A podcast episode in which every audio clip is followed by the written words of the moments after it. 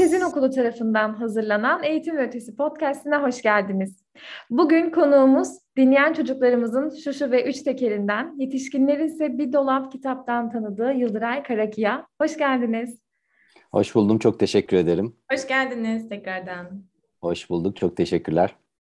Biz öncesinde sizden biraz bahsedelim istiyoruz. E, tanıyanlar, dinleyenler sesinizi hemen tanıyacaktır tabii ama hem çocuk kitapları yazan hem seslendiren, bol bol okuyan birisiniz. Bizim aklımızda tüm gün kitaplarla zaman geçiren e, Hilal'den geçenlerde sizin bir e, hedefiniz olduğunu duydum. Bisiklet sürerken çocuk kitabı okuyup yazabilmek. evet. evet, biraz riskli bir iş ama denemek istiyorum. Ya aslında biz sizi bu kadarıyla tanıyoruz. Hem kitaplarınızı, Bir Dolap kitabı, zamanından e, Dünyalı dergisini. Peki hı hı. çocuk edebiyatı ile ilgili Banu Hanım'la e, Bir Dolap kitap sunuculuğunuzdan öte nasıl başladı edebiyatla yolculuğunuz? Ee, peki, şimdi önce yani edebiyat okumak üzerinden gitmeyi tercih ederim. Çünkü e, edebiyat okumanın bir parçası, hedeflerinden bir tanesi sadece benim için. Ee, benim okuma maceram Texas Tomix, Zagor, Atlantis e, gibi çizgi romanlarla özellikle İtalyanların yaptığı ama western e, türündeki e, ya da Atlantis gibi fantastik maceralarla e, başladı. Elimin altında en çok onlar vardı çünkü. Yani böyle yoğun çocuk kitaplarının bulunduğu bir ortamda değildim. Türkiye'de öyle bir yer değildi zaten. e, bunun yanında Milliyet Çocuk çok önemli bir yayındı. Yani düşünsenize zamanında Abdi İpekçi'nin yayın yönetmenliğini yaptığı bir çocuk dergisinden bahsediyoruz. Aziz Nesin yazıyor mesela içinde. Yani daha Cüneyt Arkın mesela doktor kimliğiyle sağlık bölümü yapmış. Yani hani o inanılmaz bir şey yani. Ee, öyle bir dergi var. Bu, bu dergide ablamın bir arkadaşı yani o zamanlar pazar torbaları vardı. Naylon torba vardı ama o kadar yaygın değildi. O pazar torbalarında dolu dolu düşünün yani ağzına kadar dolu pazar torbası milliye çocuklar döndüre döndüre okurdum onları. Bir de e, yine hani edebiyat dediğiniz zaman belki milliyet çocukla edebiyat hani tırnak içindeki edebiyata girdiğim nokta o olabilir. Çünkü işte ne bileyim e, Gülten Dayıoğlu'nun gezi yazıları da vardı içinde. Hı hı ya da e, klasiklerin çizgi romanları vardı. Bence çizgi roman çok önemli bir şey. E, bunun yanında ben ansiklopedi okurdum. Çünkü o dönemde e, fasikül fasikül alınır, işte sonradan cildi satın alınır, o ciltçiye götürülür, ona taktırılır filan. İşte hayvanlar ansiklopedisi, gelişim aşet falan gibi e, ansiklopedilerden böyle bir maddeyi okumaya başlayıp Aa bunun içinde bu neymiş ki deyip o maddeyi bulup onu okuyup böyle bir şimdi internette surf yapıyoruz ya ben işte ansiklopedide surf yapıyordum o zamanlar e, sözlük okumayı e, sonradan çok hoşlandığım bir şeye dönüştü. Yani aslında benim hep okuma eylemiyle e, daha çok e, haşır neşir oldum. Edebiyatta bunun içinde bir noktada doğal olarak gelişen bir başka okuma alanı aslında benim için. E, ve bu süreç içinde tabii çocuk kitapları yavaş yavaş özellikle Milliyet Çocuk gibi bir kaynaktan e, çocuk kitaplarına geçmek çok kolay. E, çocuklar için yazım yani çocuk yaşındaki halimden bahsediyorum. E, dolayısıyla orada bir çocuk kitaplarıyla tanışıp aslında bir açlık duyup belki yaşım ilerlemiş olduğu halde artık e, buldukça çocuk kitaplarını da okur hale geldim. Özellikle e, bazı çok eğlenceli kitaplar ne bileyim işte Küçük Vampir dizisi mesela. Yani Hı-hı. Küçük Vampir dizisini e, yetişkinken de tekrar okudum. Çünkü çok eğlenceli ve çok güzel. E, hani maceram daha çok okumak üzerine kurulu ve buralardan gelişen Gırgır dergisini unutmamam lazım tabii. Gırgır evde kapışılan ve hangi sayfa kimin elinde kalırsa onun tarafından okunulan sonra sayfa takası yapılan bir dergiydi. Ee, dolayısıyla bunlar aslında benim okuma maceramı başlatan ve çocuk kitapları bunun içinde e, ben büyüdükçe daha geniş bir yer tutmaya başladı aslında. Daha çok ilgimi yaşım ilerledikçe çekmeye başladı diyebilirim. Sanki ee, onu... e, çocukluk döneminizde yetişemediğiniz, erişemediğiniz kitapları bir açlık duygusuyla o döneme dönmüş gibisiniz. Bir parça öyle bir yanı var. Bir parça da şundan kaynaklanıyor. Ee, ço- çocuklar için üretilen kitaplar özellikle bu işi artık e, endüstrileştirmiş e, ülkeler, bu pazarı çok erken kurmuş ülkeler e, çok nitelikli içerikler üretiyorlar. Şimdi çocuk kitabı diyoruz ama yetişkin yani özür dilerim çocuk genç kitapları diye belki sınıfı daha belirgin bir hale getirmeliyim. E, çok e, ne bileyim işte herkes bilir işte e, şeyi söyleyin hmm, neydi itfaiyeciler vardı kitap yakıyorlardı kitabın adını unutmam çok hoş oldu tam şu anda. e, neyse e, yani yetişkinler için yazılan bir sürü e, fantastik ya da distopik e, maceranın aslında gençler için yazılmış çok yetkin örnekleri var. Onları keşfetmek zaten başka bir his yaratıyor e, insanda. Onlara dalma ihtiyacı duyuyorum ve e, okumaktan vazgeçemiyorum onları evet. Birazcık açlık da var tabii. Peki. Ee, ben şimdi de Açık Radyo'ya e, dönelim istiyorum. Bir Dolap Kitap Projesine. E, eşiniz Banu Hanım da bir yazıda okumuştum. 5 yaşından beri çocuk kitaplarıyla haşır neşir olduğunu. Evet. Ve e, sizinle buluştuğunda bu kitaplar üzerinden e, çok güzel sohbet ettiğinizi ve mükemmel bir birliktelik olduğunu söylemişti. Peki Bir Dolap kitap nasıl başladı? Kitapları hem okuyup hem Banu Hanım'la birlikte çalışmak nasıl? Bu süreçleri merak ediyoruz. Şimdi evet Banu'nun da macerası aslında bu anlamda benimkine benziyor. O da e, çocukluğundan beri çocuk kitabı okuyan insan. Biz kendimize öyle diyoruz yani çocukluğumdan beri çocuk kitabı okuyorum. Zaten niye bitireyim çocuk kitabı okumayı? Banu'nun da öyle. Biz tanıştığımız zaman çocuk kitapları hakkında e, e, konuşmak yani ne bileyim hani işte bir takım adamlar bir araya gelip futboldan, arabalardan bahsedebilir falan ya. Hani onun gibi bir şeydi. Doğal olarak konuşabildiğimiz bir konuydu bizim için. Dolayısıyla bunu, bu e, iletişimimizi aslında iletişimimizin zeminini oluşturan şey oldu diyebilirim daha başlangıçta. Üniversitede tanıştık biz. Hı ee, ve e, işte sanat tarihi eğitimi alıyorduk. Ama çocuk kitapları hakkında konuşuyorduk bir yandan. İşte şunu okudum mu bak bu da var e, gibi. E, birbirimize anlatıyorduk mesela kitapları. Bak şöyle bu böyle şunu işte şurasında şöyle bir şeyle karşılaştım. Bir sürü şey paylaşıyorduk ve bunu başka insanlarla niye paylaşmıyoruz diye düşündük. Tam da blogların, e, blog yazarlığının öne çıktığı bir dönemdi ve biz de e, Bir Dolap Kitap adında bir blog kurduk. Oradaki dolap da Banu'nun babasından kalma bir dolabı var. Çocuk kitapları onun içinde duruyor. Yani bizimki gerçekten bir dolap kitaptı yani o, o dönemde. Programımızda da söylüyordunuz sabah erkenden evet, evet. çıkardık diye. Evet işte o dolap bir dolap kitap.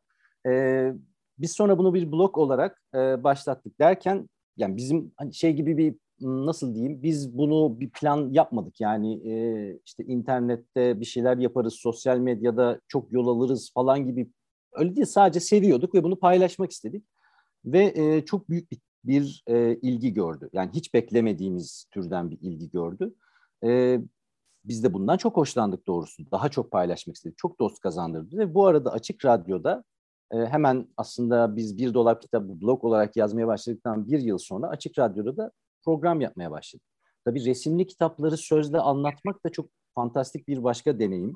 E, ama işte radyo öyle mucizevi bir araç, enfes bir araç radyoda. E, açık Radyo'da program yapmaya başladık ve Sezin Okulları'nın sponsorluğu geldi peşinden bu arada. Yani o e, hani teşekkür etme fırsatı bulunca hemen et, etmek istiyorum Sezin Okulları'na. Çok teşekkür ederim.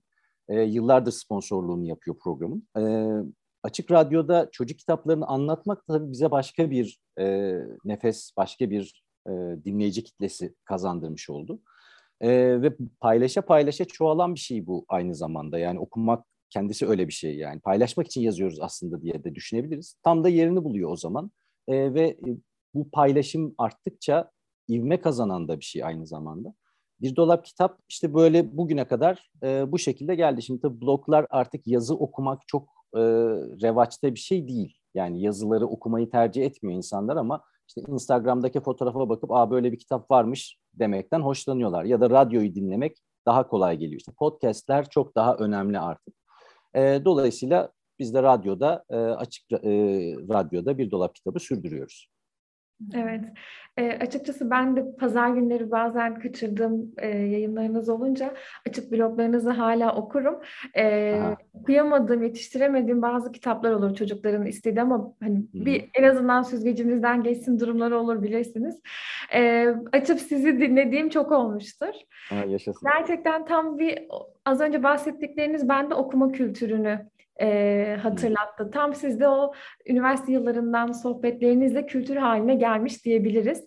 O yüzden e, sizin açınızdan, sizin gözünüzden okumanın gerçekten bir kültür haline gelmesi, kültür olabilmesi nasıl mümkün olabilir? Şimdi bu çok büyük bir soru e, çünkü ve çok büyük bir mesele. E, yani Türkiye e, açısından konuya bakacak olursak mesela Okuyay platformu var, Yayıncılar Birliği'nin evet. e, bir projesiydi. Okuma kültürünü yaygınlaştırma projesi, Okuyay platformu. Onlar e, Konda bir araştırma yaptılar mesela. İşte bundan 11 yıl öncesine kadar yüzde şu kadar artmış kitap okuma mesela. Ama bunun içinde her şey var. Yani kitap okunan her şey var e, bu araştırmanın içinde. E, şimdi burada bir artış görünüyor. Türkiye e, açısından bakınca işte genç nüfus, nüfusun artışı bunlar oranlanınca bir kültür oluşturup oluşturmadığımız anlamına geliyor mu? Bunun analizini yapabilecek yetkinlikte değilim. Ama gözlemlediğim kadarıyla, deneyimlediğim kadarıyla hem bir dolap kitap üzerinden hem okullarla yaptığımız çalışmalar, işte başka insanlarla bu konularda e, ki fikir alışverişlerimizden gördüğümüz kadarıyla bu kültürü oluşturmak için gereken çok fazla e, şey var ve bunlar henüz eksik. Şimdi mesela e, okullara kütüphane, e, okul binası yaparken kütüphane koyuyorlar içine bir tane. Bir odayı raf koyuyorlar. Kapısına da tabela yazıyorlar kütüphane diye. O kadar. Sonra duruyorlar öyle. Sonra birisi kitap bağışlasa da kitap koysak filan diyorlar. Şimdi benim çocuklarım da işte burada bir yaşadığımız yerde bir okula gidiyorlar. Orada e, yakın zamanda o kütüphane düzeltildi ama ondan önceki durumu birisi elinde birikmiş artık okumak istemediği bir grup dergiyi vermiş. Onlar da onları oraya koymuşlar. Yani öyle yani o kadar. Biz de öyle bir dönemde büyüdük evet. Evet şimdi Kapısı bu sürüyor. Efendim? Kapısı kilitlenen Yasak ee, oldu. Ben şimdi oldu. bakın şunu gördüm. Bu İstanbul'da e, yani yanlış hatırlamıyorsun Beylerbeyi'nin biraz yukarı taraflarındaydı hatta bir okuldaki bir müdürün odasının içindeydi kütüphane. Ama müdürün odasının içindeki evrak dolabının arkasındaki rafta. Önünde evrak dolabı vardı. Yani müdürün odasına gireceksiniz kitap okumak istiyorsanız. İzin alacaksınız o odaya girmek için. Bulacaksınız müdürü orada. Gireceksiniz evrak dolabının arkasındaki kitaba ulaşacaksınız gibi bir şey. Şimdi bu sadece işin bir parçası. Ee, bu sadece fiziki e, meselesi. Şimdi kitap okumakla ilgili yani bu okuma kültürüyle ilgili ne zaman konuşmak gerekse e, aslında söze hiç kimse kitap okumak zorunda değil diye başladı. Evet. Gerçekten de hiç kimse kitap okumak zorunda değil. E, bunu söylememin de bir nedeni var. Biz mesela e, bunu bir zorunluluk olarak çocuklara yansıtmaya başladığımız andan itibaren, bunu bir ödeve dönüştürdüğümüz andan itibaren aslında çocukların okumakla e, ilişkilerini doğrudan zedelemiş oluyoruz. Ben bunu kendi çocuklarımda da gözlemliyorum. E, kitabın kitabın içinde büyüdüler. Annelerinin, babalarının işi kitap. Yani bizim işimiz okumak ve yazmak. Hı hı. E, onlar da bunun içinde büyüdüler ödev verilsin de okusunlar bakayım. yani öyle bir şey olmuyor. Ödev verildiği için okumuyor ama e, işte büyük oldum mesela Harry Potter kaç birkaç bin sayfa toplam e, değil mi yani işte oturup su gibi okuyor onu. Yani burada bir görmemiz gereken bir şey var. Bir yerde bir hata yapıyoruz. Bunu bir ödeve, bir zorunluluğa dönüştürdüğümüz zaman iyi bir insan olmak için kitap okumamız gerekiyor falan dediğimiz zaman işler değişiyor. Bu öyle bir şey değil. Çünkü kitap okumak bizim yaşamımızın içinde yani okumak eylemi, okuma eyleminin kendisini kastediyorum aslında. Sadece kitap olmak zorunda da değil. Ee, şöyle düşünelim, bir çocuğun diyelim ki e, mekanikle e, ya da işte alet edevatla çok e, böyle iyi bir ilişkisi var. Yani bu çocuğun bir hırdavatçının kataloğunu okumasına ne engel olabilir ki? Niye engel olalım ki? Okumaksa eğer bu, oradan beslenecekse niye engel olalım ki buna? Dolayısıyla okumak zorunda değiliz ama yani okumak zorunda değiliz çünkü okumak bir zorunluluk. Nasıl nefes almadan yaşayamıyoruz aslında okuyamadan yaşayamıyoruz gibi bir noktaya vardırabilirim bunu yine tersine çevirip. Ama burada söylemeye çalıştığım şey şu. Biz bunu zorunluluğa dönüştürdüğümüz anda okunmaz hale getiriyoruz. Çünkü keyiften, e, ilgiden, beslenmekten uzaklaştırıp acı bir ilacı zorla içirmeye çalışır hale geliyoruz. O yüzden önce okumak zorunda değiliz diye başlıyorum. Şimdi bunun dışında bizim e, özellikle yetişkinler olarak çok büyük iki yüzlülüklerimiz var. Ee, evlerimizde oturup cep telefonlarımıza bakıp çocuğum kaç sayfa okudun diye soruyoruz. Yani e, okuma kültürüne bir darbe daha. E, evimizde dizi izliyoruz, işte haberler açık, şunlar bunlar, işte televizyon diye bir cihaz var mesela. Değil mi? Açık duruyor gümbür gümbür. Çocuğa dönüp kaç sayfa okudun diye soruyoruz. Biz kitap okumuyoruz. Okumadığımız kitapları çocukların okumasını istiyoruz. Bildiği, şimdi herkes de bildiği kadarıyla e, yönlendirmeyi yapabiliyor tabii. Mesela herkes istiyor ki çocukları klasikleri okusun. Ya çocuk niye klasikleri okusun? Vicdan azabı gibi kitaplar. Niye klasikleri okusun? Büyüdüğü zaman okur eğer gerekiyorsa yani. Şimdi onu niye okusun? Çünkü o kadar biliyoruz e, telifi olmayan kitaplar tekrar tekrar basılabiliyor. Çocuklara göre uyarlamalarını yapıp ürün çeşitliliği yaratabiliyoruz. Tamamen ticari bir şey ve e, yetişkinin bilgisi dahilinde de o olduğu için kolay satılan da bir şey. Çocuklar klasikleri okusun. Niye klasikleri okusun çocuklar? Eğlendikleri şeyi okusunlar. Şimdi bütün bunları bir arada düşündüğümüz zaman okuma kültürü dediğimiz şey bizim için yani özellikle Türkiye'den e, ve benzeri ülkelerden bahsediyorum. Böyle bir takım parçaları takılıp çıkartılan, tuhaf yamalar yapılan, böyle bir şeyleri zorla ittirip tıkıştırmaya çalıştığımız enteresan bir torbaya benziyor daha çok. Yani böyle bir garip, amorf bir şey bizim için.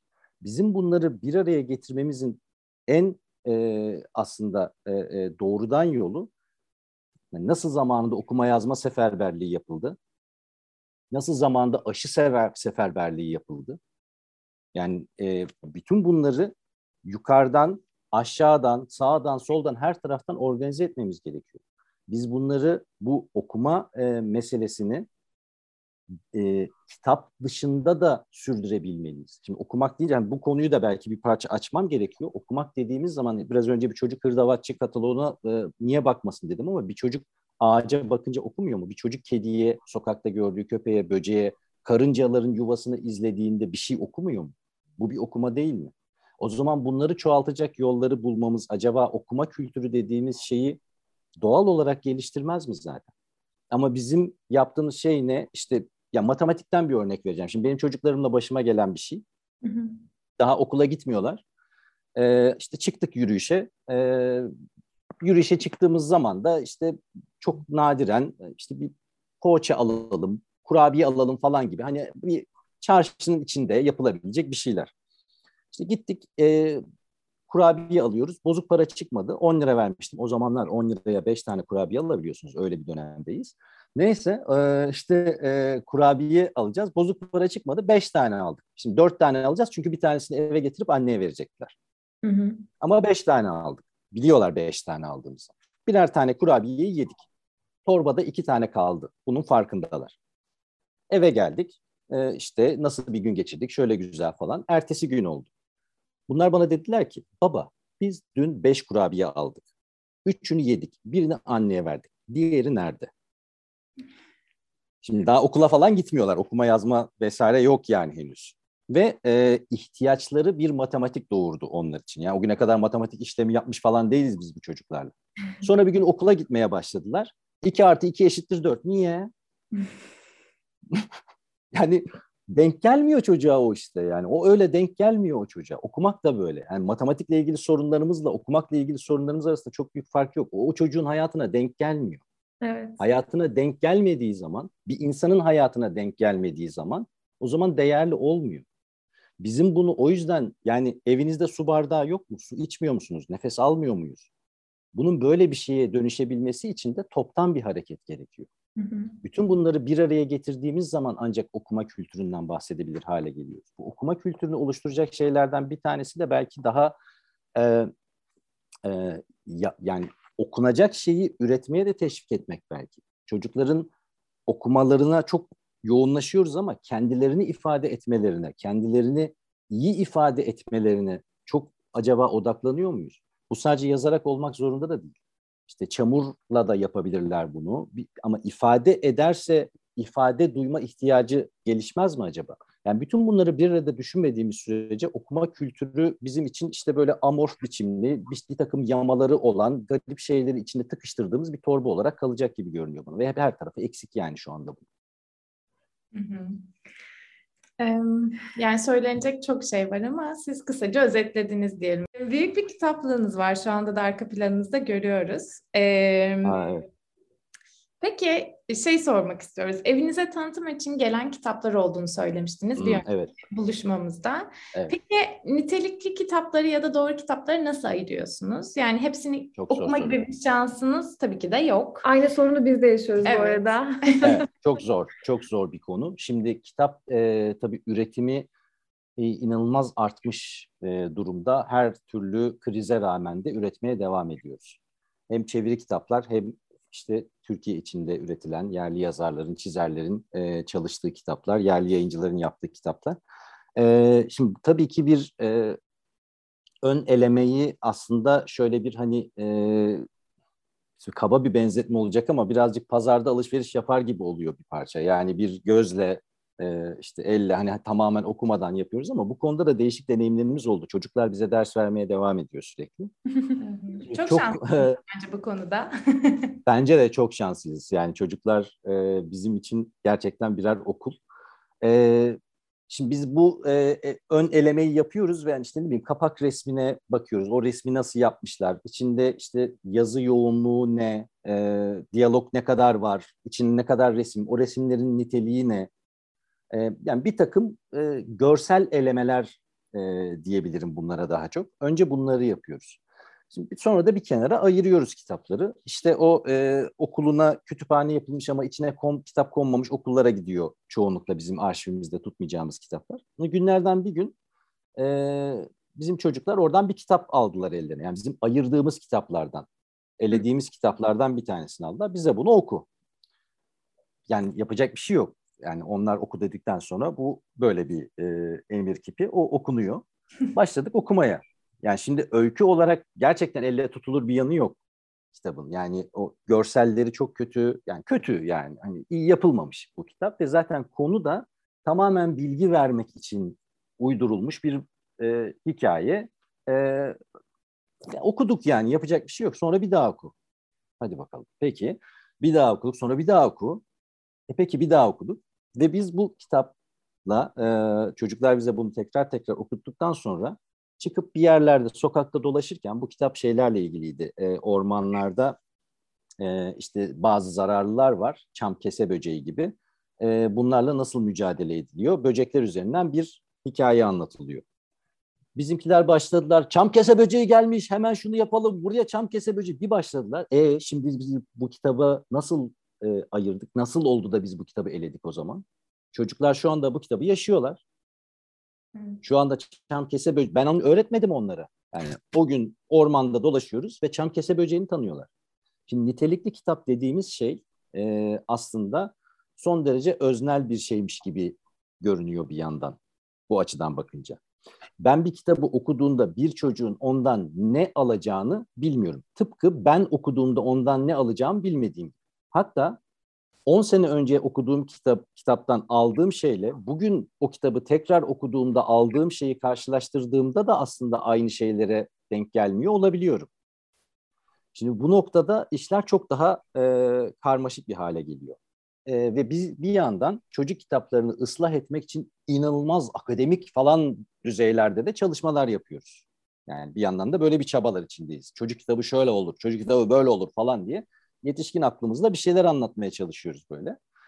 E tabii bunların da e, hani e, çocuğa görelik diye bir şey var, e, pedagoji diye bir şey var, bazı kurallar var ve çocukların e, bir takım e, etkilere ne zaman maruz kalacakları, o etkiyi nasıl taşıyacaklarını da değiştiriyor. Yani bu kadar da bilgimiz var, bunları da biliyoruz.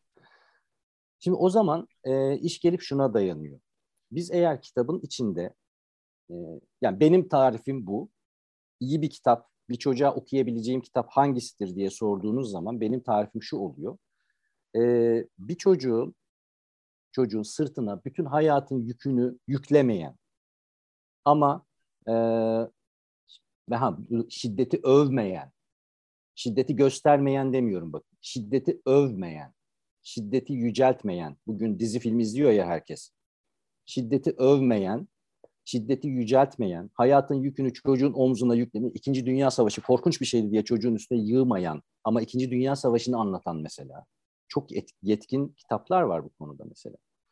Ee, ve mutlaka ve mutlaka kitabın umutla bittiği, mutlaka umutla bittiği hikayeler, iyi kitaplar.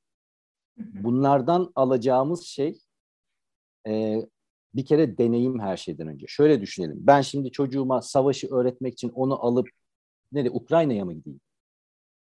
Bir kitaptan daha güvenli ya da iyi bir filmden daha güvenli hangi ortamda ben çocuğuma savaşı anlatabilirim? Evet. Bu işi iyi yapmış bir kitaptan daha güvenli bir ortam olabilir mi? Savaşla ilgili konuşmak için. Çünkü bu bir gerçek. Hayatın tam ortasında ne zaman bize denk geleceğini de bilemediğimiz Ukrayna'da insanlar yarın savaş çıkar diye düşünmüyordu herhalde. Alıp Taştan Adımlar kitabını okuyalım mesela. Mesela Alıp Taştan Adımlar kitabını okuyalım. Ya da Morpurgo'nun kitapları var. İkinci Dünya Savaşı'ndan bir savaş atı var mesela. Birinci Dünya Savaşı'nı bir atın gözünden izliyor, izliyoruz. Hı hı. Şiddet var mı? Var. Savaş çünkü. Savaş yahu nasıl şiddet olmasın yani? Savaşın kendisi şiddet. Ama bizim bunu anlatmamamız çocukları korumak anlamına mı geliyor? Yoksa çocukları aşısız bırakmak anlamına mı geliyor? Tamamen savunmasız bırakmak anlamına mı geliyor? Hayatı göstermeyeceksek çocuklara, hayatı onların önüne koymayacaksak niye yazıyoruz? Ne yazıyoruz yani? Hepsi Ama bunu daha hakim, farkında ve görüyor. Ve biz onlardan saklayamıyoruz. Evet. Yani kendi kaygılarımızı en fazla onlara aşılayabiliyoruz. Yani aynı şekilde ölüm konusu mesela. Ördek Ölüm ve Lale diye bir kitap vardır. Hı hı. Muhteşem bir kitaptır ve ölüm konusunu ele almamak çok tuhaf geliyor bana. Çünkü ölüyoruz. Yani hani, bildiğim tek gerçek yani efendim. Ne kadar bunun arkasına saklanabileceğiz? Gerçek. Ya bir yerde saklanamayacağız işte. Yani bir yerde işte e, ne bileyim balığı ölecek. Bir yerde bir birisi bir yakınını kaybedecek. Bir şey olacak yani. Bunun ne nasıl kaçabiliriz ki bundan? Yani tek bildiğimiz gelecekle ilgili bildiğimiz tek gerçek şey bu. Ve biz bunu mesela e, kitaptan daha iyi, iyi bir filmden, iyi bir müzikten daha iyi nasıl anlatabiliriz? Nasıl aktarabiliriz çocuklara yani? Hı hı. En güvenli ortam bu her türlü konuyu. Dolayısıyla bizim açımızdan hani çocuk kitaplarını seçerken buna e, yani bunu söylemek çok kolay olmuyor şimdi. Çünkü herkes her kitabı okuyamıyor. Ben de her kitabı okuyamıyorum. Ama e, bazı e, şeyleri göze almak da gerekiyor bir noktada. Şimdi biz e, hani şey diye de girdim ya lafa ıslah etmeye çalışıyorsa bile çocuk kitaplarını diye. Yetişkinlerin tuhaf kaygıları e, sonucu ortaya çıkan gariplikler gibi geliyor bana bunların çoğunluğu. Ama tabii ki söylenemeyecek ya da söyleme biçiminin ayarlanması gereken şeyler var. Yani biz bir çocuğa uygun bir dili kurarak istisnasız her şeyi anlatabiliriz.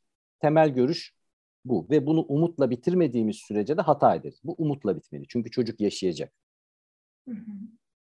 Yani e, iyi kitap ya bir kitabı seçerken aslında bizim dikkat ettiğimiz temel konu bu. E, çünkü bize gözümüze güzel görünmüyor ama işte onlar alıyorlar verdiğim örnekteki gibi bambaşka hayatın içinde bir noktada onu gerçek kılıp kullanmaya başlıyorlar. Ben o çocuğun o kitaptan ne alacağını bilemiyorum. Ya da işte bir mobilyacı kataloğundan ne edineceğini bilemiyorum. Belki de kesecek resimlerine kendine evler kuracak, tasarımlar yapmaya başlayacak. Ben niye engel olayım? Dolayısıyla bu konuda biraz kafamızın rahatlaması, e, işte okuma zorunda olmadığımızı iyice anlamamız ve okurken de illa böyle hani herkesin mutlaka beğendiği her türlü edebiyat eleştirmeninden süper onaylar almış kitapları okumak zorunda falan değiliz. Onları da okumak zorunda değiliz. Yani bir şeyleri okumaktan bahsediyorum genel olarak. Bunu yaptığımız zaman aslında kitapları seçmek de kolaylaşıyor. Çocukla birlikte seçebiliyoruz çünkü o zaman. Çocukla birlikte seçtiğimiz zaman da çocuk için kitabı okumak daha keyifli bir hale geliyor. Çocuk kitabı okumamayı tercih edebilmeli mesela. Ya ben bunu okumak istemiyorum. Başladım ama sıkıldım demeli. Hangi yetişkin başladı her kitabı bitirmiş yani bugüne kadar? Ben öyle bir yetişkin tanımıyorum yani. Ya ben de öyle biri değilim. Sıkılınca bırakıyorum doğal olarak. Niye devam edeyim? Sıkıldım yahu. Yani sıkıldım. Yani daha ötesi yok. İstemiyorum okumaktan fazla. Niye zamanımı onu harcayayım? Çocuk için de aynı şey bu kaygılardan kurtulduğumuz zaman kitap seçmek aslında o kadar büyük bir problem değil gibi geliyor bana. Evet, Banu Hanım da ağzımıza layık kitaplara rastladıkça okumaya çalışıyoruz diyordu. Ee, evet. Gerçekten ağzımıza layık kitaplar var ve biz onu aradığımız sürece okuma kültürü ve e, arayıp bulduğumuz sürece okuma kültürü hep yaşayacak. Buna inanıyorum. Biz kütüphanecilerin de görevi e, ağzımıza layık kitaplarla e, okuyucuları buluşturmak. Evet, yaşasın. En güzel görevlerden biri. Yıllar Bey 2013 yılı yanlış hatırlamıyorsam biz sizle ilgili eski dergilerimize de baktık ve hmm. bir yandan e, arşivi karıştırdık. 2013 yılında Sezin'e gelmişsiniz. Evet, buluşmuşsunuz. Ve o zaman evet. sadece fotoğraf arşivi olduğu için e, fotoğrafta hemen arkanızdaki tahtadaki notlara baktığımızda anneye babaya görelilik yazmıştınız. Hmm. Evet, şimdi e, ya şöyle bir hikaye var. Oradan başlayayım. Yine bir e, deneyim üzerinden anlatayım. Bir gün e, işte bir tanıdığımızın e, tanıdıkları, tanışıyoruz aynı ortamda. İki yetişkin insan ve çocukları var. E, ve e, bize işte çocuk kitaplarıyla ilgilendiğimizi öğrenince bize dediler ki ya işte biz de çok dertliyiz yani alıyoruz kitap beğendiremiyoruz ki ama gidiyor hep ki abuk sabuk kitaplar seçiyor dedi. Bir kafamıza takıldı tabii bizim o anda yani abuk sabuk derken ne kastediyorsunuz dedim. Yok işte ejderhanı nasıl eğitirmişsin de yok işte e, en sevdiğimiz kitap dedik yani ney filan diye böyle gözleri büyüdü yani. yani dedik abuk sabuk kitap değil de ne okusun? İşte klasikler, onlar da yani klasikleri okusun. Bunu başka bir anekdotla anlatayım. Bir gün bir kitapçıda, İstanbul'da bir kitapçıda e, işte bir duruyorum yani orada arkadaşların kitapçısı. Bir adam geldi yanında 4-5 yaşında en fazla 4-5 yaşındadır yani bir kız çocuğu herhalde babası işte adam. E, yani dedi çocuğum için e, kitap istiyorum ama dedi içinde böyle ejderha, prenses, prens, büyü, fantastik şeyler, canavarlar, cinler, şunlar, bunlar olmasın. Dedik ki beyefendi biz size bir yüksek fizik kitabı verelim isterseniz. Hani yani oradan devam edin. Evet siz oradan bakalım nereye varıyorsunuz yani hani çünkü bu o kadar acayip bir istek ki yani hani akıl alır gibi değil. Gerçekten hiç yani çok garipti. Şimdi bu iki örnek benim için hala canlılığını koruyor. Çünkü bunlar tekrar tekrar aslında versiyonları bunların tekrar tekrar karşıma çıkıyor. Şimdi anne babaya bıraktığımız zaman e, işi o yetişkin kaygısına daha doğrusu bakım verene anne baba olmak zorunda değil bakım verene bıraktığımız zaman konuyu bambaşka kaygılar giriyor. Çünkü herkes istiyor ki belki kendi çocukluğunda gördüğü eksiklik yüzünden ne bileyim işte piyano çalmalıyız ki iyi bir insan olalım falan gibi. Hayır çalmalı değiliz. İyi bir insan olmanın bununla bir alakası yok yani. Ama o kendi eksikliğini böyle tanımlıyor belki. Ee, ve bunlar üzerinden genel geçer kendi bilgisi dahilindeki doğru olduğundan şüphe etmeyeceği. Çünkü niye? Çünkü onaylanmış. Başkası onaylamış. Fark etmez fark etmez ama hani onaylanmış yani o noktadan baktıkları için aslında bu e, anne babaya görelik e, biraz tersten bir anlatım. Şimdi çocuğa görelik var, anne babaya görelik var. Çocuğa görelik ise anne babaya göreliğin tam tersini temsil ediyor aslında.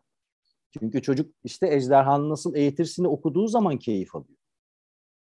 Keyif aldığı şey Saftirik Grey'i okumak bu ikisini e, bir çarpışma olmaktan çıkarmaya e, çalışıyoruz aslında. Bu ikisi bir çarpışma olmaktan çıktığında o yetişkin de ejderhanı nasıl o eğitirsini okuyup keyif alabileceğini öğrendiğinde yetişkinin öğrenmesi gerekiyor bunu. Yani yetişkinler her şeyi bilmiyorlar. Biz her şeyi bilmiyoruz. Bizim çocuklarla birlikte öğrenmemiz gerekiyor. O zaman işte bu çatışmada ortadan kalkacak. Yani biz bunu e, bu tür ifadeleri kullanırken bazen tersten göstermeye çalışıyoruz konuları. E, bu da onlardan birisi. Evet, çok güzel anlattınız. Ee, biz tabii okuma kültürüyle ilgili çalıştığımız dönemden beri Hilal'le e, çok fazla denk geldiğimiz başlıca konu da hayal gücü ve ben burada özellikle hmm. orman ve taygadan ilerlemek istiyorum. Çünkü onlar bence inanılmaz bir evde büyüyorlar. Ee, dediğiniz gibi anne babasının işi kitap yazmak, okumak ve eleştirmek. E, böyle bir evde yetişen çocukların e, kitapla olan bağı, tanışma seviyesi çok çok daha fazladır eminiz ki. Gerçekten Orman ve Taygan'ın şu anda hayal gücü inanılmaz bir seviye ve derinliklerde mi Yıldıray'da? Çünkü bu somut bir örnek olacak. Biz günde tamam, bu onlarca çocukla karşılaşıyoruz. Hmm. Ee, ve kütüphanemiz evet güzel, onlara yeterli bir seviyede. Çocuklar okumayı seviyor, yazmayı, üretmeyi seviyor. Ee, peki bu şekilde yaşayan ve yaşamayan çocuk arasında fark oluyor mu? Hayal güçleri ne hmm. seviyede? Şimdi e, benim için yine e, birçok açısı olan bir konu bu. Hayal gücü meselesi zaten çok e, iyi bir konu. E, Tayga ve Orman e, evet kitapların içinde büyüdüler ve yani yatakların içinden böyle kürekle kitap çıkartabiliyoruz gerçekten. Yani öyle e, yaşıyorlar ama bunlar ödev verilmiş kitaplar değil. Bunu tekrar vurgulamak istiyorum. Bunlar kendi seçtikleri e, kitaplar. Kendi e, işte bizim kütüphanemizden e, işte onların e, seviyesine göre de ayarladık. Yani boy seviyesine göre de ayarladık. Yani ulaşabilsinler e, diye kendi e, yaş grubu kitaplarına ya da işte çizgi romanlara vesaire kolayca erişebilecekleri biçimde düzenlemeye çalışıyoruz. Onlar gidip seçiyorlar. Şimdi bu e, hayal gücü meselesi ve okumakla ilgili e, ama bakış açım e, biraz daha e, işte çok açı barındırıyor. Şöyle tarif etmeye çalışayım. Şimdi çıkalım hep beraber e, bir yerdeki bir köye gidelim. O köyde de hiç kitap okumayan bir çoban çocuk olsun. Acaba e, keçiler üzerinden e, ben de dünya kadar makale okumuş olayım keçiler üzerine. Keçiler üzeri, keçiler hakkında konuşmaya başladığımızda hangimizin anlattıkları daha gerçek olur? Hangimizin anlattıkları daha doğru olur? Hangimiz keçilerin her bir keçi bireyin davranışını daha kolay tanımlar? Her bir keçiyi daha kolay anlar? Daha kolay yönlendirir? Yani burada konunun doğrudan okumak mı ya da neyi okumak? Dünyaya bakmak mı yoksa? Aşık Veysel kaç kitap okudu? Yani Bakmak kaç kitap ve görmek aslında. Evet, okumak dediğimiz şeyin bence içeriği bu. Yani biz illa harflerle, sembollerle oluşturulmuş şeyleri okumaktan bahsediyoruz. Okumak dediğimizde aklımıza ilk olarak bu geliyor ama bence öyle değil. Mimari okunabilen bir şey. Yani bir otoparka girip de arabalara baktığınız zaman bir otoparkın içindeki arabalardan o bölgenin zenginlik seviyesi, arabaların üzerine yapıştırdıkları, taktıkları şeylerden e, ilgilerini, yani mesela arabada prenses var mı yazmış, arabada çocuk var mı yazmış arkasına. Bence bu çok önemli bir gösterge. Prenses var yazıyorsa benim için mesela pürüzlü bir ifade. Ama onun kim olduğunu anlamamı kolaylaştırıyor. Bu okumak değil mi? birbirimizin dış görünüşünü okumuyor muyuz? Beden beden dilini okumuyor muyuz? Bunların hepsi okumak. E, dolayısıyla hayal gücüne e, varmaya çalışıyorum buradan. Köydeki o çocuk keçilerle ilgili her türlü hayali benden daha yetkin biçimde kuracaktır. Eminim. Benim o deneyimim yok çünkü. Ama kitap okumak elbette bize e, deneyimlemeden bazı korkunç şeyleri demin bahsettik ya savaş gibi deneyimlemeden yani içine girmeden deneyimleme imkanı sunuyor.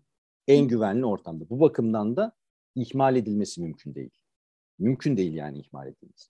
Şimdi bu hayal gücü meselesi ise e, benim için e, biraz daha yine hani başka açıları olan bir konu. Çünkü e, hep zannediyoruz ki e, işte önce hayal edeceğiz. Hayali kuracağız. Sonra onu gerçekleştireceğiz. Yani ne bileyim hani yazmak için ilham beklemek gibi. Yani hani yazmak için yazmak gerekiyor. İlham niye bekleyelim? Hayal gücünde böyle bir yanı var benim için. Şurada, şuradan anlatayım. Bir e, üniversite Amerika Birleşik Devletleri'nde e, Kaliforniya'da bir sanat enstitüsünün e, giriş kapısı, kütüphanesinin giriş kapısına e, bir sanatçıdan o, onun tasarlamasını istiyorlar giriş kapısını. Adını hatırlayamadım, yine hatırlayamadım. Bir dakika şurada notum olmayacaktı benim. Ee, ha John Baldessari diye bir sanatçıdan istiyorlar ki o e, şeyi, kapıyı, giriş bölümünü e, tasarlasın. Şimdi o da düşünüyor, oturuyor, bakıyor. Dört tane panel var. Ortadaki paneller iki yana açılıyor, kapanıyor hareketli iki panel. İki yanda da onunla eşit boyda iki panel daha var. Temel renkleri bu panellere e, yarı saydam biçimde koyuyor. Yani işte e, mavi var, e, sarı var, işte yeşil var filan. Yani o renkleri, temel renkleri koyuyor oraya. Böylece kapılar açıldığında renkler birbirine giriyor, çıkıyor. Yani renk değişiyor, panellerin renkleri değişiyor. Ve biz bunu izleyebiliyoruz renk değişirken. Üzerine de şöyle yazmış. Oku, yaz, düşün, hayal et. Şimdi bunu ilk gördüğümde bir terslik var dedim. Yani biz böyle öğrenmedik. Çünkü biz hayal ettikten sonra bir şeyleri gerçekleştirmekten bahsederiz hep. Fakat adam diyor ki oku, düşün, yaz, hayal et. Ya bir gariplik var diye düşüne düşüne sonu biraz da okuya ede şunu e, fark ettik. Biz hayal kurabilir miyiz? Kurabiliriz. Bir sürü hayal kurabiliriz. İşte ilhamın gelmesini de sonsuza kadar bekleyebiliriz. O da bir hayal kurma biçimi. Hayal yani. Ve ayakları yere basmıyor. Çünkü neye dayanarak kuruyoruz bu hayali? Neyi hedefliyoruz? Nasıl bir e, bir şey tasarlıyoruz ki biz onu gerçekleştirelim? Hayal bu değil mi? Gerçekleştireceğiz. Yani biz bir hayal kuracağız ve o gerçekleşebilir olmalı. Öbür türlü yaşayacağımız tek şey de hayal kırıklığı. Çünkü ilhamı bekleyeceğim ve o gelmeyecek. En fazla işte bir adam gelir, adı ilhamdır. Sohbet ederim onunla, gider. Yine yazmama yaramıyor yani. Şimdi demek ki okuyup, yazıp, düşünüp hayal kurarsam gerçekleştirme olanağını bulurum. Hayalin ayakları yere basmasın peki bir uçan balon olsun hayal ipini tutmam lazım onu. Bunu yapmamın yolu okuyup, düşünüp, yazıp yani bütün bunları düşünüp tasarlı bilgi edinip mesela e, Jules Verne'in Ay'a Seyahati bence çok güzel örneklerinden bir tanesi bu. Jules Verne'in bu kitabı yazdığı dönemde kimsenin Ay'a gitmekle ilgili bir bilgisi yoktu. Kimsenin atmosferin dışına çıkmışlığı yoktu. Yani düşünün bugün bile düz dünyacılar var. Jules Verne ta o zaman e, Ay'a Seyahat diye bir kitap yazdı. Bunu neye dayanarak yazdı? Hiç kimse gitmedi. Hani bilgi edinecekti, okuyacaktı, düşünecekti. Nasıl kurdu o hayali o zaman? Şöyle kurdu. Topçuluk, top atışı, askeri toplardan bahsediyorum. Top atışları çok ciddi bir matematik, geometri, arazi bilgisi gerektiren bir şey. Yani çok bilimsel bir yanı olan bir şey top atışı. Onun açısını ayarlayıp fırlatıyorsunuz ki o istediğiniz yere düşsün. Tamam bir savaş aracı ama bilimle çalışıyor. Yani bilimin savaşa hizmet etmemesi de çok mümkün olmuyor zaten. Ve Jules Verne de bu konuları çalıştığı için bir top ve tasarlanmış bir top mermisini fırlattığımız zaman Ay'a gidebileceğimize dair bir hayal kuruyor. Şimdi ayaklarının yere bastığı nokta işte orası. Biz istediğimiz her türlü fanteziyi kurup anlatabiliriz. Bunun bir istisnasının olması gerekmiyor. Binlerce yıldır insanların birbirlerine bilgi aktarmasını sağlayan şey hikaye anlatmak. Hani ısrarla ıslah etmeye çalıştığımız o hikaye anlatıcılığı var ya, ısrarla ıslah etmeye çalışıyoruz. İşte o bizim hayatta kalmamızı sağlayan yegane araç belki de. Biz o aracı doğru düzgün kullandığımız zaman kurduğumuz hayaller bugün değilse bir gün gerçek olabiliyor. Denizler altında 20 bin fersah da başka türlü bir şey değil onun zamanında bir takım fıçılarla suyun altına inmeye çalışan adamlar, insanlar, kadınlar olduğu için Jules Verne oradan yola çıkarak böyle inanılmaz bir araç tasarlayarak bu hayali kurabilmiş. Ayaklarının yere bastığı yeri görebiliyoruz böyle baktığımız zaman. O hayali neye dayanarak kurduğunu, hangi gerçekler, hangi bilgiler üzerine inşa ettiğini görebiliyoruz. O yüzden ileride bir gün gerçekleşiyor. Yani önce okuyup, bilgilenip, yazıp, çizip, tasarlayıp, düşünüp ondan sonra hayal kurarsak aslında e, gerçekleşebilir, işe yarar, işlevsel, üretilebilir şeyler hayal etmiş oluyoruz. Öbür türlü de işte hayal kurmuş oluyoruz yani. Hayal kurmak da çok abartılması gereken bir şey mi bu noktada? Hani ilham beklemek çok abartılması gereken bir şey mi bu noktada? Bence değil. Yani buyurun bekleyin ama hani bir şey olmaz. Onu da bilin. Çünkü başlangıcında başka bir şeye ihtiyaç var. Okumaya, yazmaya, düşünmeye, tasarlamaya ihtiyaç var. Ondan sonra hayal kurmak. Tayga ile ormanın belki bu anlamda avantajı evet büyük olabilir. Ama e, onların da eksik kaldıkları başka yanlar var. Çok kitap okuyabiliyorlar. Teorik bilgileri çok fazla. Ama e, buna karşın keçileri gütmeyi bilmiyorlar işte. Bilmiyorlar. Evet. Yani hayatın başka alanlarında da aynı beceriye sahip oldukları anlamına gelmiyor ki bu. Birçok alan var hayatta. Pardon. Ayakkabı tamir etmeyi bilmiyorlar mesela. Yani böyle baktığımız zaman bence çok daha işlevsel oluyor okuma kültürü de, edindiğimiz becerilerde, kitap okumaktan edindiğimiz şeyler de ancak o zaman çok daha e, işlevsel bir hale geliyor bence. O yüzden evet Tayga ile Orman'ın avantajları var e, birçok konuda bilgilere e, erişebiliyorlar. Yanardağlar hakkında ya da Pompei hakkında konuşabiliyoruz oturup onlarla. Ama e, keçi güdemiyoruz. Yıldıray Bey nerede yaşıyordunuz? E, biz şu anda İzmir'de yaşıyoruz. Peki devam ediyorum. Tabii. Biliyorum e, kırsal bir bölgede olduğunuzu. Evet evet İzmir'in kırsalında yaşıyoruz. Peki ben şimdi tekrar Açık Radyo'ya ve aslında hayal gücüyle birleştirdiğimiz sizin hayal gücünüzden yararlanacağımız bir soru soracağım. Tamam. Ee, eski kayıtlarda konuklarınız vardı ee, ve e, hatta 100. bölümünüzdü galiba. İlk evet 100. bölümde konuk almışsınız. Evet, evet. Evet orada e, bize neden çocuk kütüphaneleri lazım? Peki çocuk kütüphanesi hmm. dediğimiz şey nasıl bir şey olmalıdır diye sormuştunuz. Biz de şimdi sizden bu sorunun cevabını almak istiyoruz. Tamam. Şimdi e, kütüphane dediğimiz zaman yine e, kendi çocukluğumuzu düşünelim. Aklımıza gelen ilk şey şşş değil mi? ben böyle bir görüntü hatırlamıyorum biliyor musunuz?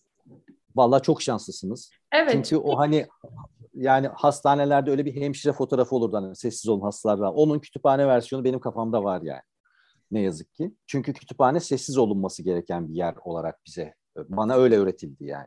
Hmm. İnsanlar sessiz ol. Yani mutlaka hani o fısır fısır filan. Evet hani bir haklılık payı olabilir belki bir ne bileyim e, akademik çalışmaların yoğunlukla yapıldığı falan öyle bir kütüphane olabilir ama biz çocuklardan bahsediyoruz. Yani çocuklara dur otur yerinden kıpırdama demenin de bir tuhaf yani e, çocuğun doğasıyla uyuşmayan bir yanı var. Yani çocuğun kıpırdamamasını istemek çok garip bir fikir ve mesela okul da bunun üzerine kuruluyor aslında. Hani belli süreler içerisinde kıpırdamadan durup dersi dinlemelerini beklediğimiz yani genel anlamda okuldan bahsediyorum. Yani bir sürü istisna olabilir ama ya da özel girişimler var ama yani okul deyince genel olarak belli zaman aralıklarında çocukların kıpırdamadan durup işte kendilerine verilen şeyi beyinlerine takmasını istediğimiz ortam geliyor aklımıza. E, eğitimle ilgili de bazı problemlerim olduğu buradan ortaya çıkıyor. Neyse.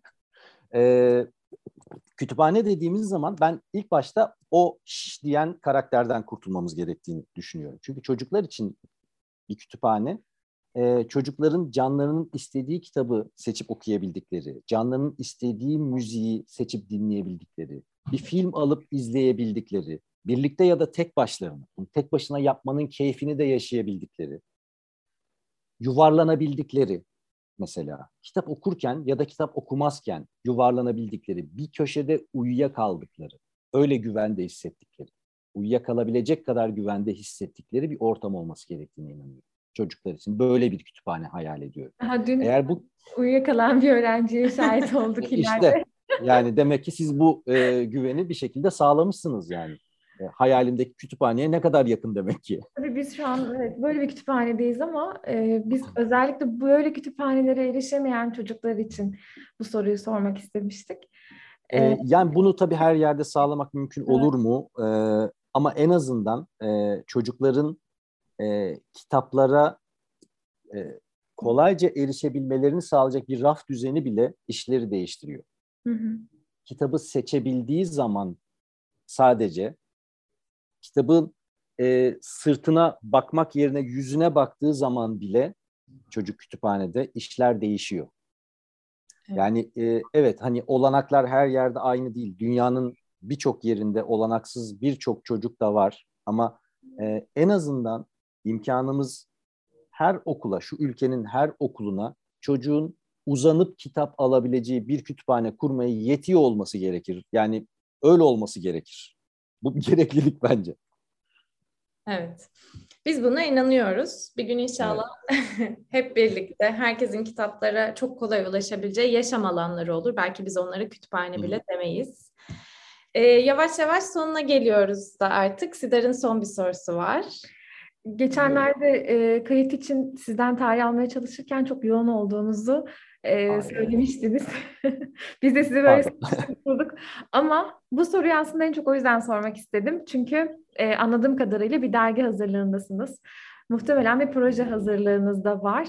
Yok bu var mı? şu anda e, şu anda bir dergi yapıyoruz. Yani bu yayınlanmakta olan bir dergi. Adı FIU. E, bir de FIU Mini adlı e, okul öncesi grup için bir dergi. FİU'da okul, ilkokul seviyesi bir dergi. Türkçe dergiler bunlar ama Türkiye dışında yaşayan çocuklar için yapıyoruz. Yani Türkiye'de erişim yok bu dergileri. Türkiye'de satılmıyor.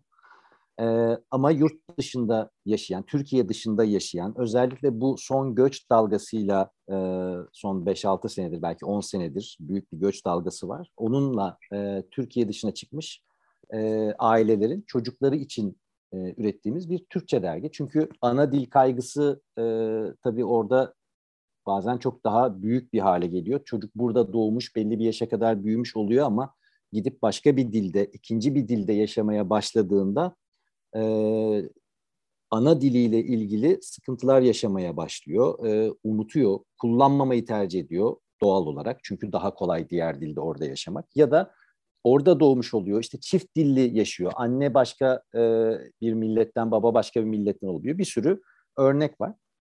Bu çocukların Türkçe gelişimine katkıda bulunmak için başlatılmış bir proje bu.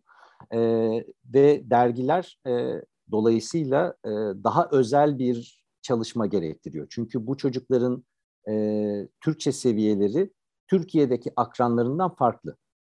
Türkiye'deki akranları gibi anlamıyorlar e, Türkçeyi e, ve asıl kullandıkları dil Türkçe olmayabiliyor. Evlerinde konuşuluyor olsa bile çocuk tercih etmeyebiliyor. E, onlara erişebilecek, e, onların da sıkıntı çekmeden okuyabilmesini sağlayacak, Türkçe okumasını, Türkçe ile ilişki kurmasını sağlayacak şekilde hazırlamamız gerekiyor dergileri. Bu da bizim için çok özel bir çaba çünkü yani alışkın olduğumuz biçimde yazabiliriz ama o zaman okunmaz. Dolayısıyla burada iyi bir mücadele alanı var, ee, iyi bir fırsat var bizim için. Kendimizle ilgili de yaptığımız işlerle ilgili de kendimizi gözden geçirmek için çok iyi bir fırsat. E, dolayısıyla bu, bu e, proje, yani bu iş şu anda süren bir iş bu. E, bir proje. E, yayında yani bu dergiler. Ama bunlarla ilişkili ya da bunlardan bağımsız tabii başka projelerimiz de var. Yapmaya çalıştığımız başka başka işler de var.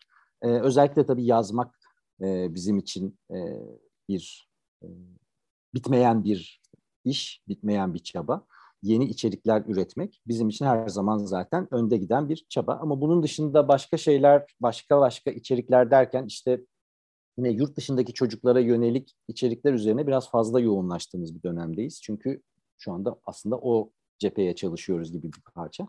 Ee, genel olarak böyle FIU ve FIUMINE ama yayında olan iki proje. İşte tam da onları biz dergiyi bağlamaya çalışırken son aşamalarındayken sizinle haberleşmiş olduk ve o biraz e, derginin bitme aşamaları insanın uykusuz kaldığı bir dönem oluyor. Çünkü minik minik minik minik binlerce ayrıntı oluyor. Evet. E, öyle bir dönemde. Bizim de sevgili podcast ekibimizden Meltem'den bildiğimiz e, çok yoğun bir dönem oluyor gerçekten. O yüzden vakit ayırıp geldiğiniz, katıldığınız için çok teşekkür ederiz. E, zamanında buraya gelmiştiniz. Şimdi de böyle podcast'ten, Zoom üzerinden buluşmuş olduk. Evet. İstanbul'a geldiğinizde tekrardan bir araya geliriz Yıldıray Bey. Çok sevinirim. Çok teşekkür ederiz bizimle olduğunuz için. Çok keyifli bir sohbetti. Ee, ben umutla bitirelim istiyorum. Ee, kitaplar evet. gibi. Gerçekten hepimizin kitaplarla buluştuğu, doğru kitapla ağzımızın tadına göre seçtiğimiz kitaplarla buluştuğumuz günler olsun. Teşekkür ederim. Çok teşekkür ederim. Ben de çok teşekkür ederim. Benim için de çok keyifli bir sohbetti. Bu konuyu ne zaman isterseniz tekrar konuşabiliriz o da ayrı. çok teşekkür ederim. Sağ olun. Sağ olun. Banu Hanım'a da çok selamlar, sevgiler. Bizden de sevgiler. Hoşçakalın. Ormanla Tayga'ya da bizden selamlar. tamam ileteceğim. Onların da mutlaka bir karşılık vereceğine eminim. Peki. Görüşmek üzere. Teşekkürler. Görüşmek üzere. Hoşçakalın.